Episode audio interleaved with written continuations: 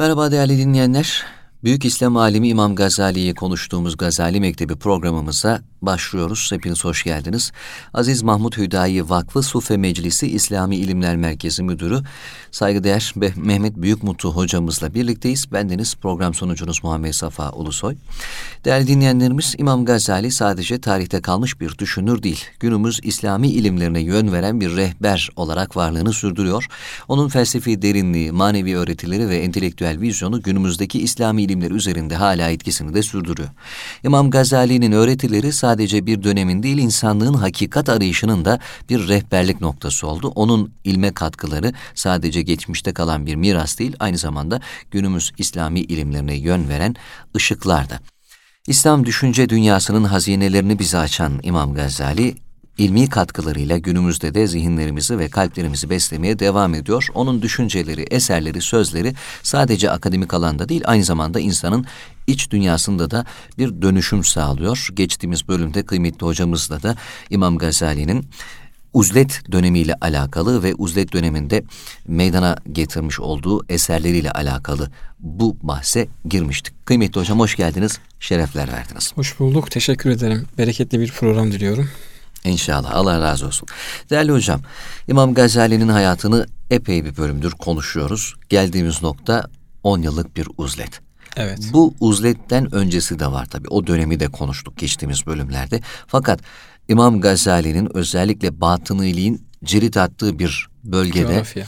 bir coğrafyada evet. ve tırnak içerisinde e, çekici argümanları olan da bir yapı aslında. Gizlilik, o okült yapı, gizem, e, gizem ve işte Devlet hakikate sanki zamanda. ulaşmakta daha hızlı bir yol gibi kendini lanse etmesi gibi gibi konular ve birçok insanın onlara işte kendilerini teslim etmesi. Hı. Dolayısıyla aslında batınilik üzerine de bir hamlesi olabilecekken Niçin ehli sünnet kanadında karar kılmış? Niçin tasavvufla artık bu yolu yürümek noktasında bir kanaate erişmiştir? Bu soruyla bir girizgah yapalım. Uzlet döneminden nasıl çıkmıştır'a gelelim. İnşallah. Bismillahirrahmanirrahim. Elhamdülillahi Rabbil alemin ve salatu ve selamu ala Resulina Muhammed ve ala alihi ve sahbihi ecma'in ve bihi nesta'in ve emma ba'd. Şimdi İmam Gazali rahmetullahi aleyh tasavvuf eserlerini büyüklerin sözlerini, Sadat-ı Kiram'ın yönelişlerini ve bazı fikirlerini e, mütalaa ettiği için, okuduğu için, bunlarla daha yakından haşır neşir olduğu için Nizamiye Medresesi'nde hocalık yaptığı süre zarfında bir niyete, bir dönüşüme, bir hayatını tanzim edecek ve sonraki süreci tamamıyla belirleyecek olan bir karara doğru adım atıyor. Burada Ebu Ali Farmedi'den bahsettik kısmen ismi olarak. Ebu, Ebu Talip el-Mekki, Haris el-Muhasibi bu kimseler İmam Gazali'de dönüştürücü rolü olan büyük kimseler ve büyük isimler.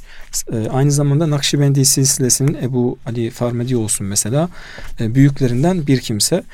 Öncelikle şu kısaca batıniliğin ne ifade ettiğiyle evet. İmam Gazali'nin niçin, niçin böyle bir yönelişi kabul etmediği ile alakalı girizgah belki yapabiliriz. Halbuki İmam Gazali henüz Tus'tayken Tus'tan Cürcan'a gittiğinde Ebu Nasır el-İsmaili isminde bir batini hocadan ders almasına ve batini fikirlerle belki o zaman ilk e, tanışıklığı kesbetmesine rağmen niçin kabul etmiyor? Batınilik kelime anlamı itibariyle batından yani zahirin mukabili olan görünenin karşılığı olan, görünmeyen şey, içte olan, örtülü olan, kişinin e, zihninde, kalbinde, karnında e, yani görünmeyen herhangi bir yerinde olan şey demektir. Batın dediğimiz zaman görünenin tam karşılığı, görünenin karşıtı, görünmeyen şey demektir. Batınilik bunu temsil ediyor. Peki şeriat için, İslam için nasıl bir tehlikeye havidir? Şia niçin buna çok teşebbüs ve tevessül ediyor Şia. Çünkü batıniliği bir yön ve yol olarak kabul ettiğiniz zaman size şeriatın temel umde ve kaynakları olan kitap ve sünnetin dışında çok büyük bir alan açacaktır. Yani siz şeriatta istediğiniz hükmü kitap ve sünnete rağmen deklare edemezsiniz. Kitap ve sünnete rağmen herhangi bir iştihat yapamazsınız. Kitap ve sünnete rağmen şeriat ortaya koyamazsınız. Yani tabiri caizse Allah'a rağmen Hı hı. Allahçılık peygambere rağmen peygambercilik evet. e, şeriattaki kitap ve sünnet mevcut olduğu sürece yapamazsınız. Yani hocam normalde bizde işte kitap, sünnet, icma, İcma, kıyas, kıyas. diye bir durum var. Edile-i Ee, şer'iye. Bunlar batınilikte bunların ötesinde de hüküm için Tabii. E, bazı kaynaklar söz konusu Yani diyorsunuz. şöyle batınilik Yanılmanın olduğu zaman sebebi de bunlar. batınilik sizin için bir usul, bir metodoloji olduğunda kitap ve sünneti yani ayet-i kerime ve hadis-i şerifleri istediğiniz gibi hiçbir durdurucu, duraklatıcı, sınırlayıcı unsur olmaksızın keyfek eder. İstediğiniz gibi yorumlayabiliyorsunuz. Mesela birkaç misal verelim onunla Buyursunlar. alakalı müsaade ederseniz.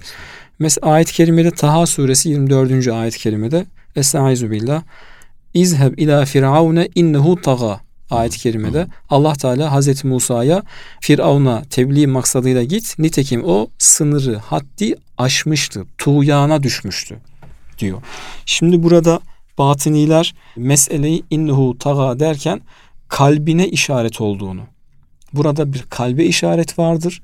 Kalbe bir yöneliş vardır. Tuğyan içinde olan kalptir. Gideceğin yer Firavun değil kalbindir. Kalbin tuğyana düştüğü için kalbine yönel manasını çıkarıyor.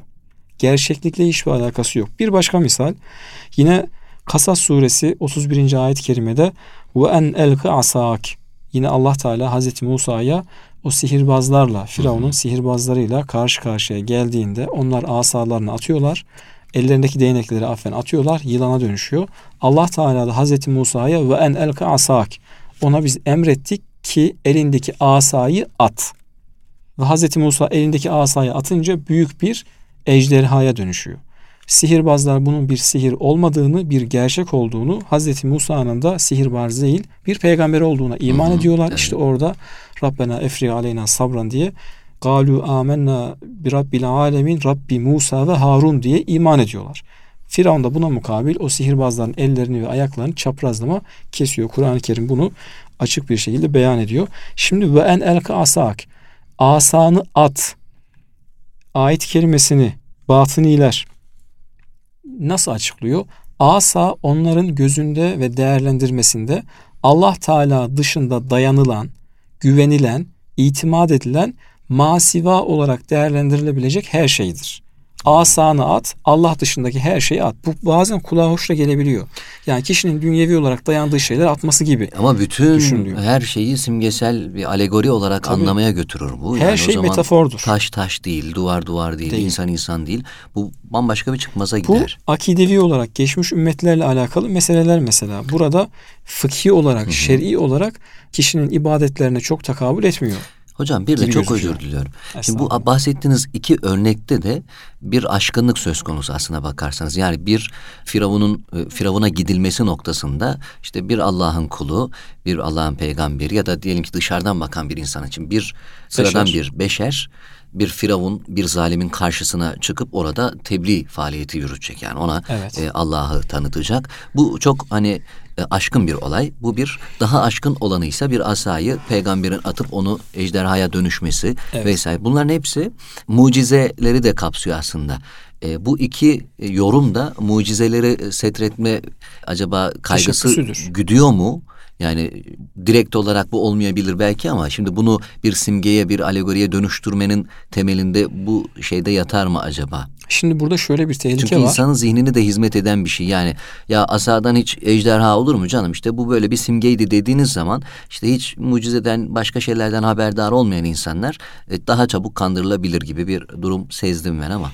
Bu doğrudan Neler? doğruya bu şeriatın sahibinin Allah Teala değil, bunun tebliğcisinin Cenab-ı Peygamber değil, doğrudan doğruya herhangi bir beşer ve sahibinin de akıl olduğunu söylemenin farklı bir yoludur. Hmm, Yani Kur'an-ı. Kerim'e tahakküm etmenin farklı bir yolu, bütün kural kaideleri, kitap ve sünnetin asli ve hakiki manasını bir kenara bırakarak aklı temel rehber, kişinin hegemonyasının, devlet iradesinin, devlet politikasının ki Fatımilerde batıniliktir, şiadır devlet politikası. Bunu istediği gibi kullanabilmesinin önündeki yegane engel kitap ve sünnettir. Peki kitap ve sünnete rağmen kitap ve sünnet sempatizanı, mensubu olunur mu? Batınilik yapılırsa olunur. Yani Allah Teala burada aslında sizin bildiğiniz gibi bir Musa'dan, bir İsa'dan, bir Firavun'dan, bir Asa'dan bahsetmiyor.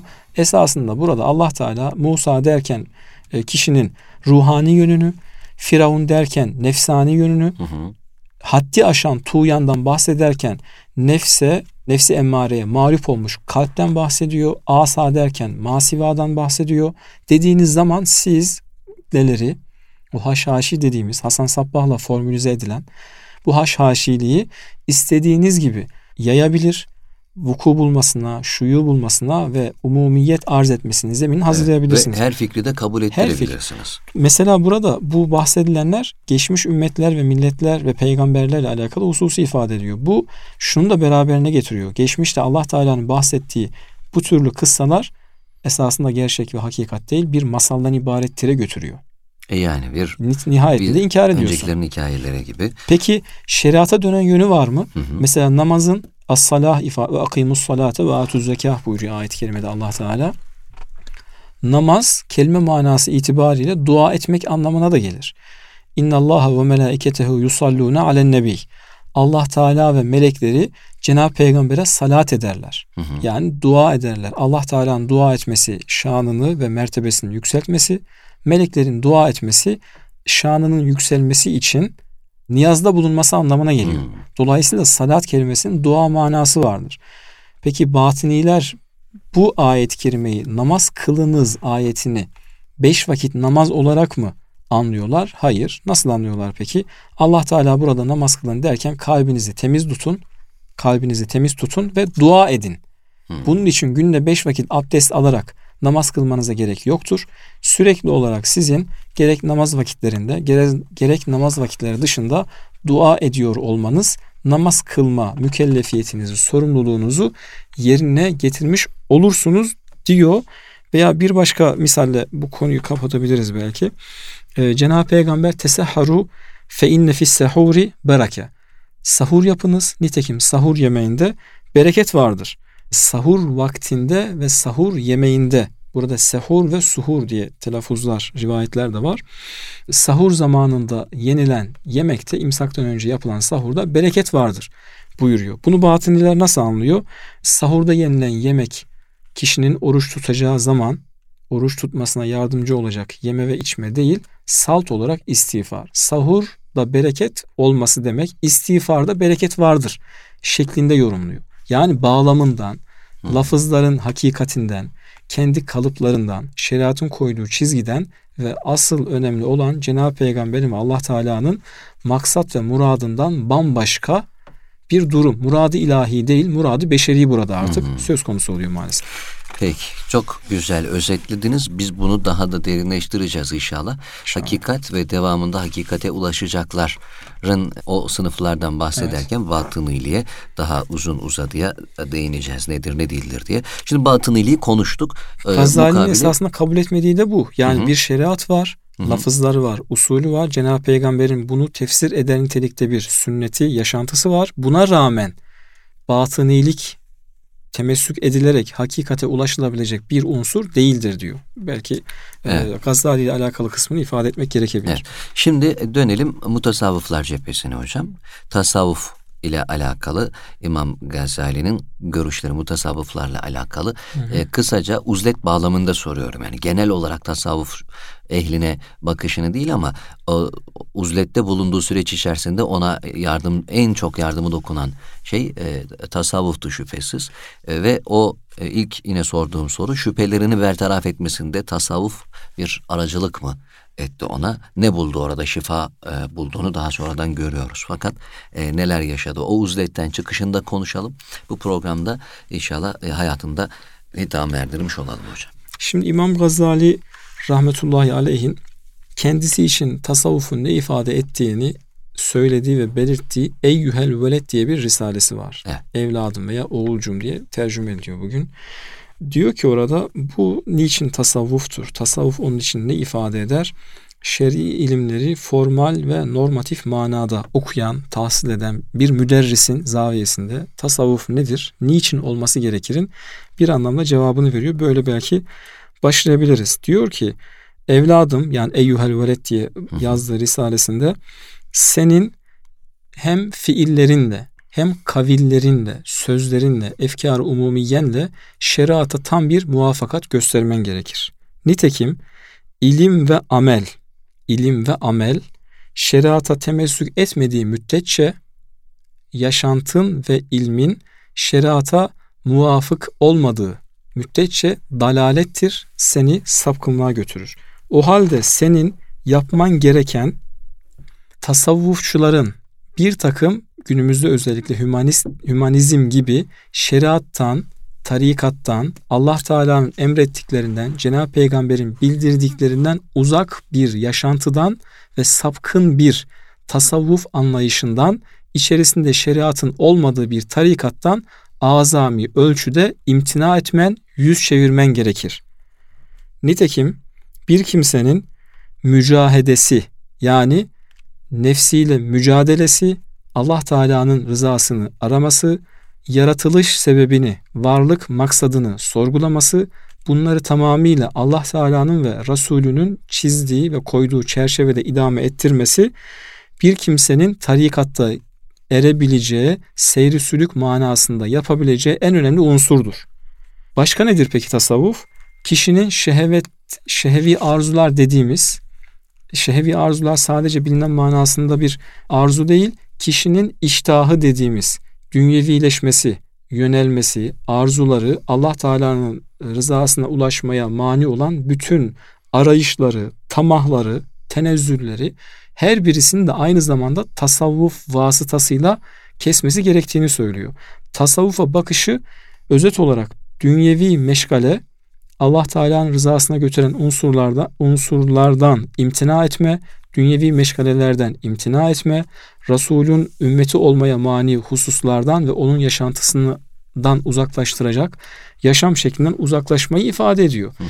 Peygamberin hadislerini, sünnetini e, anlamaya götüren bir vasıta olarak kabul ediyor. Kur'an-ı Kerim'de Allah Teala'nın muradının ne olduğunu ve bunların hayata nasıl dökülebileceğini sorguluyor ve diyor ki felsefecilere bakıyorum diyor mesela salt olarak fikir var, ilim var, sorgulama var, akıl, e, mizan kabul edilmiş, akıl ilahlaştırılmış. Onun haricinde bizi yaratan Allah Teala'ya götürebilecek bir unsur ve vasıta yok. O yüzden felsefecilerle bu iş yapılmaz. Allah'ın rızasına ulaşılmaz.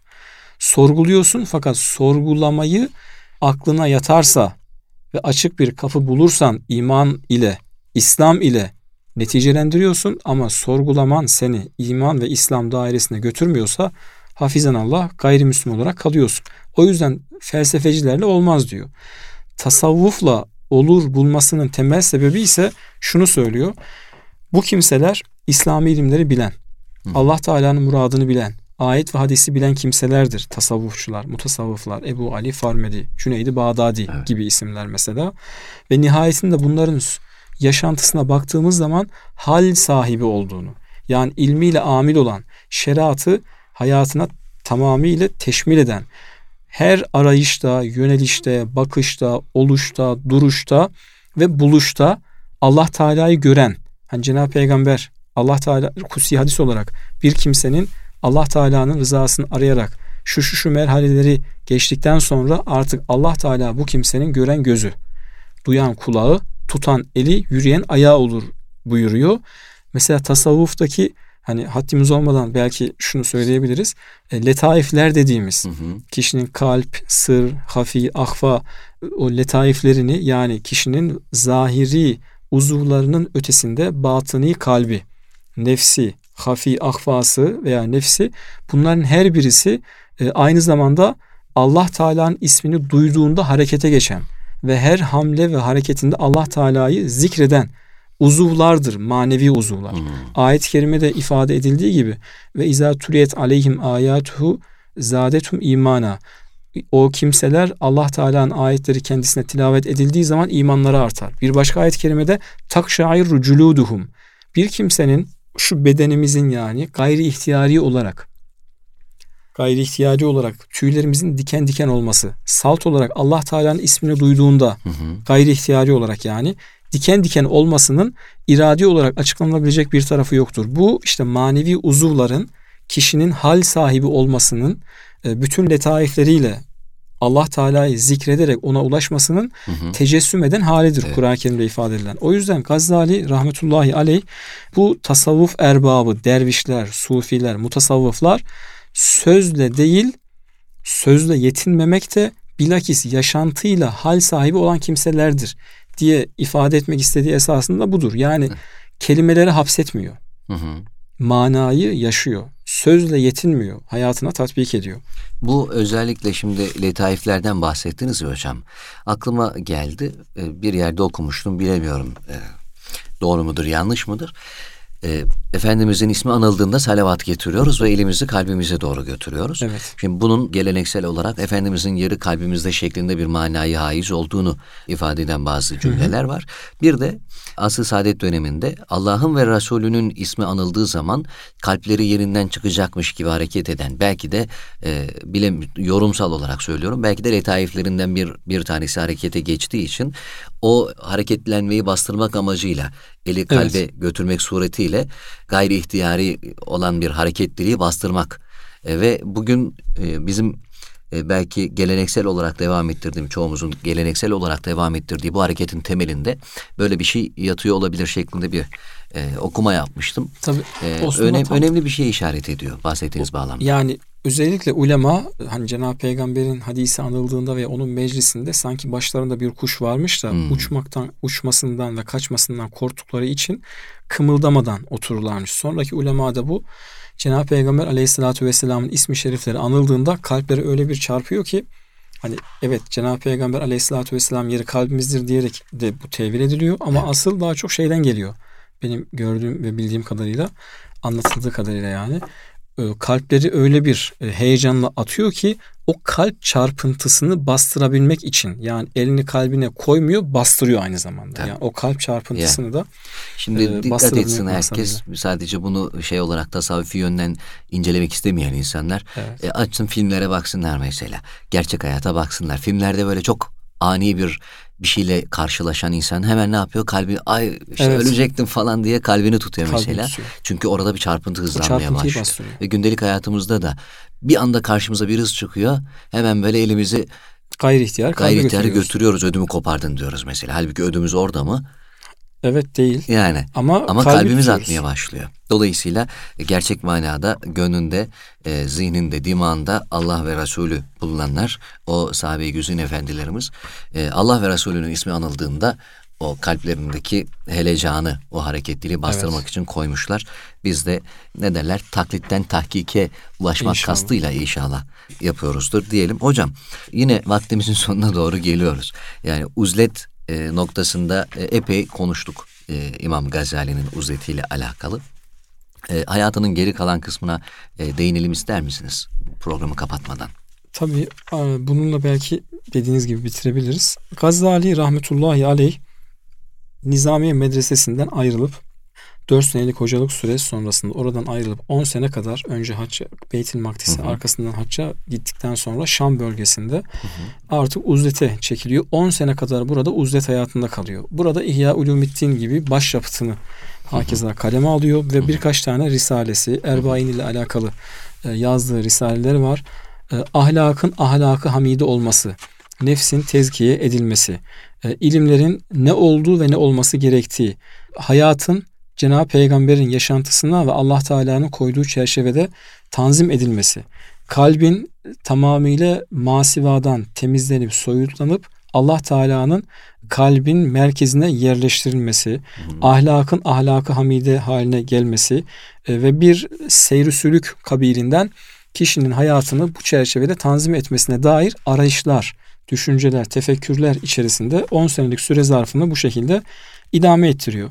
E, bu süre sonrasında 10 sene geçtikten sonra Gazali'nin niyeti Tuz kentine dönüp bu kendi memleketi olan Tuz şehrine dönüp e, yani Şam'dan Tuz'a gidip hı hı. bir sene daha burada kendi memleketinde uzlet hayatını devam ya. ettirmek. Evet Tuz kentine gidiyor. Ee, orada bir sene daha kalıyor. Şeye devam ediyor uzlet hayatına, evet. inzivaya. Toplamda 11 senelik bir uzlet hayatı karşımıza çıkıyor. Ama Gazali rahmetullahi aleyh e, Bağdat Nizamiye Medresesi'nden tekrar e, o dönemin devlet başkanları yani devlet e, bürokratlarından vezirlerinin talebi üzerine işte bu kimseleri yetiştirmen, dersler vermen, okutman ve insanların senden azami ölçüde istifade etmesi gerekir şeklindeki e, talebini geri çeviremiyor. çok kısa süre kalacak dahi olsa İmam Gazali tekrar burada e, ders vermek suretiyle ve belki Nizamiye Medresesi'nde ikinci dönemi diyebileceğimiz surette Tuz kentine uzlet hayatından sonra Tuz kentine dönüp bir sene daha kaldıktan sonra Nizamiye Medresesi'nde kısa bir süre daha ders veriyor. Burada çok uzun süre kalmayacak artık ve nihayetinde burada dersler verip e, ayrılması gerektiğini dair kanaat oluştuktan sonra kendi memleketi Tuğs'a tekrar dönüyor. Evinin yanında bir tane dergah, hı hı. bir hankah diyor. Hı hı. Küçük bir dergah, bir dervişhane hayatını yaşayabileceği, bir de küçük medrese, ders vereceği bir, ders verebileceği bir yer yapıyor.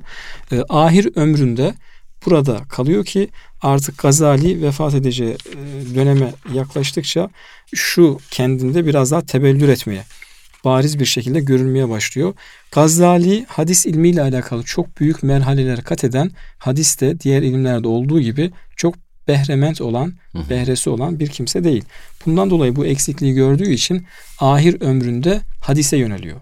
Bir sahih Müslim, bir sahih Buhari okuma iştiyakı ve heyecanı oluyor. Burada her ne kadar bu hadis ilmine dair okuma isteği ve iştiyakı hasıl olsa da kendisi için e, bu müyesser ve muvaffak olmuyor.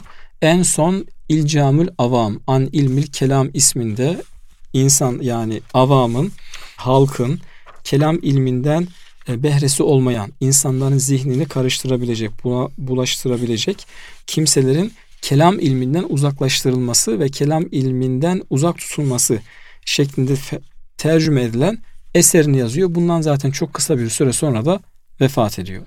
İmam Gazali rahmetullahi aleyhin ömrünü bu şekilde hülasa etmek mümkündür diyebilirim. Evet. Ahir ömründe hadise yöneliyor. Ha şunu da ifade edelim. Hadise yönelmesi hadisle alakalı hiçbir malumatının ve bilgisinin olmaması anlamına gelmiyor. Ki bahsetmiştiniz e, bir erbayini vardı zaten. Evet. 505 senesinde son seneleri, son dönemleri Tuz kentine gidiyor. Orada bir tekke ve evin yanında bir küçük medrese kuruyor. Hem dervişhane hayatı hem de ilim tahsil hayatı ders vermek suretiyle kısaca devam ediyor. Son yazdığı eserler El Munkiz Minet Dalal. Hmm. Bu zaten kendi biyografisi olarak değerlendiriliyor. Sonra usul ilminde başyapıt olan El Mustasfa fi İlmil Usul Şafii mezhebinde özellikle mütekellimun usulüyle alakalı ve son senelerinde Minhacül Abidin bu Minhacül Abidin çok okutulan tek ciltlik bir eserdir. Hmm. İhya-i Ulumiddin'in özeti kabilindedir, hmm. mesabesindedir bir anlamda. Ama en sonki yazdığı eser yani hatta vefatından günler önce, haftalar önce değil, birkaç gün önce bitirdiği eser İlcamul Avam an ilmil kelam. Halkın, avamın kelam ilminden behrement olmayan kimselerin kelam ilmiyle haşir neşir olmaması, insanların akidesinin bozulmamasıyla alakalı. Bak bugün günümüzde çok yaşıyoruz bunu. En çetrefilli ve keskin konular, akideyi sıkıntıya ve tehlikeye düşürecek mevzular internet ortamında, televizyon ortamında veya muhtelif halka açık mahfillerde çok rahatlıkla konuşulabiliyor. Hmm, tabii ki. Oysa diyor ki Gazali, insanların dini saf, arı, duru bir imandır, bir akidedir. Bunu muhtelif itikadi ve ilmi mevzularla bulandırmayın. İnsanlar belki farkına varmadan kabul etmeyi verirse insanların dinini güzelleştireyim derken imandan çıkarırsınız. Hmm. diye bir kaygısı, endişesi ve hassasiyeti var. Ee, bidatlardan uzaklaştırmak maksadıyla burada kelam ilminin muhtevası insan yani bu bir kelam kitabı değildir. Onu ifade edeyim. Hı. Ama kelam ilmiyle insanların bid'ata yönelmesiyle insanların akidesinin ne kadar tehlikeye düşeceğini ifade ediyor. Yani hı bu bir başı sonu belli olan semiyat ile alakalı, ilahiyat ile alakalı, nübüvvat ile alakalı kelam ilmi değildir. Burada halkın akidesinin, itikadının, hassasiyetlerinin, irfanının korunmasına dair bir endişe, kaygı ve hassasiyetle yazılmış bir eserdir. Birkaç gün sonra sonra 505 senesinde de Hicri 505 senesinde İmam Gazali rahmetullahi aleyh vefat ediyor. Evet, bu da 52-53 yaşlarında olduğu yazıyor evet. e, vefat ettiği sıralarda. E, çok velut bir e, üretken bir hayatı olmuş. İmam Gazali tabi bir baba şefkatiyle aynı zamanda ümmetin üzerinde titremiş bir alim portresi aynı zamanda görüyoruz hocam. Uzletten sonra artık o e, tasavvufun zevkini tattıktan sonra da e, o hankahının hemen yanı başına bir medrese kurmak suretiyle ilimle iştigalini e, hiçbir zaman bırakmıyor. Kesintisiz olarak o eğitim sürecini de devam ettiriyor. Öğretme sürecini de devam ettiriyor. E, yani ahir ömründe kelam e, ile alakalı bir konuda halkın, e, insanların imani noktada yanlışa kapılmaması için de gayret sarf ediyor dediğiniz gibi. Hakikaten çok önemli uğraşlar. E, büyük bir insan. E, biz de Gazali Mektebi'nde onun talebesi olmak payesine erişebilirsek ya da İnşallah. onun yazdıklarının, söylemek istediklerinin talibi olmak efendim payesine, behresine erişebilirsek ne mutlu diye niyaz edelim. Böylece İmam Gazali'nin hayatını nihayete erdirmiş oluyoruz. Görünürde tabii konuşacağımız e, şeylerin çok çok daha e, küçük bir kısmıydı bu. 10-12 bölümü neredeyse e, ardımızda bıraktık. Evet. Bundan sonra artık görüşleriyle alakalı, fikirleriyle alakalı, düşünceleriyle alakalı, e, topluma e, nazarıyla alakalı belki e, ve kitaplarıyla alakalı konular daha çok gündemimizde olacak diyebiliriz. 52-53 yani miladi olarak 1058 doğumu 1111 vefatı. Hicri olarak 450 doğum, 505 vefatı yani hicri olarak 55'e tekabül ediyor. Ama 53 yaşlarında falan vefat ediyor. Zaten 53-55 senelik bir süre zarfına e, henüz 28 yaşındayken Nizamül Mülk'le karşılaşıp 34 yaşındayken bir kimsenin bugünkü yani birkaç farklı fenden ve ilim dalından doktorasını yapıp farklı farklı alanlardan e, aynı anda profesör olabilecek surette dersi am dediğimiz baş hoca, baş müderris olması e, ve sonrasında bir arayışa girip nihayetinde ömrünü e, Allah Teala'nın dinini anlamak, anlatmak ve ötesinde yaşamak için tanzim etmesi 55 senelik kısa bir süreye ya yani en azından uzun denilemeyecek bir süreye sığdırması bizim için zaten çok büyük bir ibret ve ders ifade ediyor. Şimdi inşallah bundan sonra artık fikirleriyle, bizim için ne ifade ettiğiyle, e, onun zaviyesinden, onun arayışlarıyla inziva sürecinde özellikle ilham olunan, anladığı, fehmettiği, idrak ettiği şeylerin bizim için ne ifade edeceğiyle alakalı Allah'tan bir mani olmazsa bir program süreci olacaktır. Bunu ben şu açıdan önemli görüyorum.